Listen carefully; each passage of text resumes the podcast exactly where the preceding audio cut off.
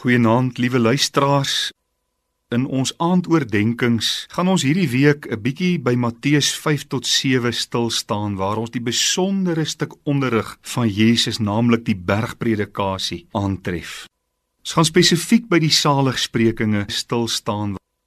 As Jesus sê salig is julle, dan is die Griekse woord daardie woord makarios wat beteken bevoordeel of geseënd of gelukkig.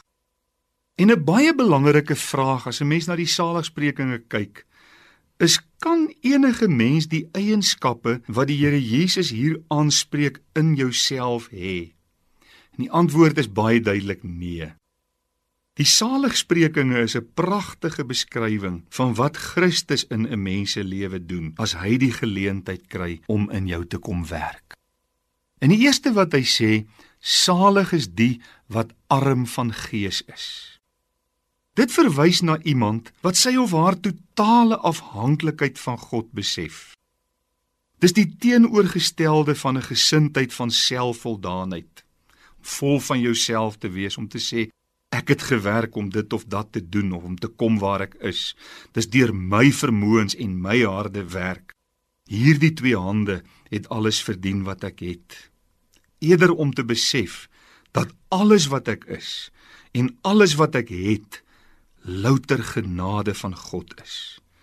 Om arm van gees te wees beteken daarom nou ook nie om te sê ag ek is niks werd en ek kan niks doen en ek beteken niks en om die heel dag 'n smart vra te wees wat jouself in selfbejammering bevind nie. In Romeine 12 vers 3 beskryf Paulus die gesindheid van arm van gees so mooi as hy sê want deur die genade wat aan my gegee is sê ek vir elkeen wat onder julle is dat hy nie van homself meer moet dink as wat 'n mens behoort te dink nie. Jesus sê aan hulle die wat arm van gees is behoort die koninkryk van die hemele.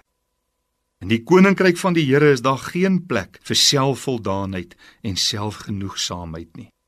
Selfverheffing is 'n onheil, dis ondenkbaar in die koninkryk van die hemele. Daarom moet die Here Jesus toegelaat word om in ons harte en lewens die gesindheid van arm van gees, totaal afhanklik van God te kom bewerkstellig.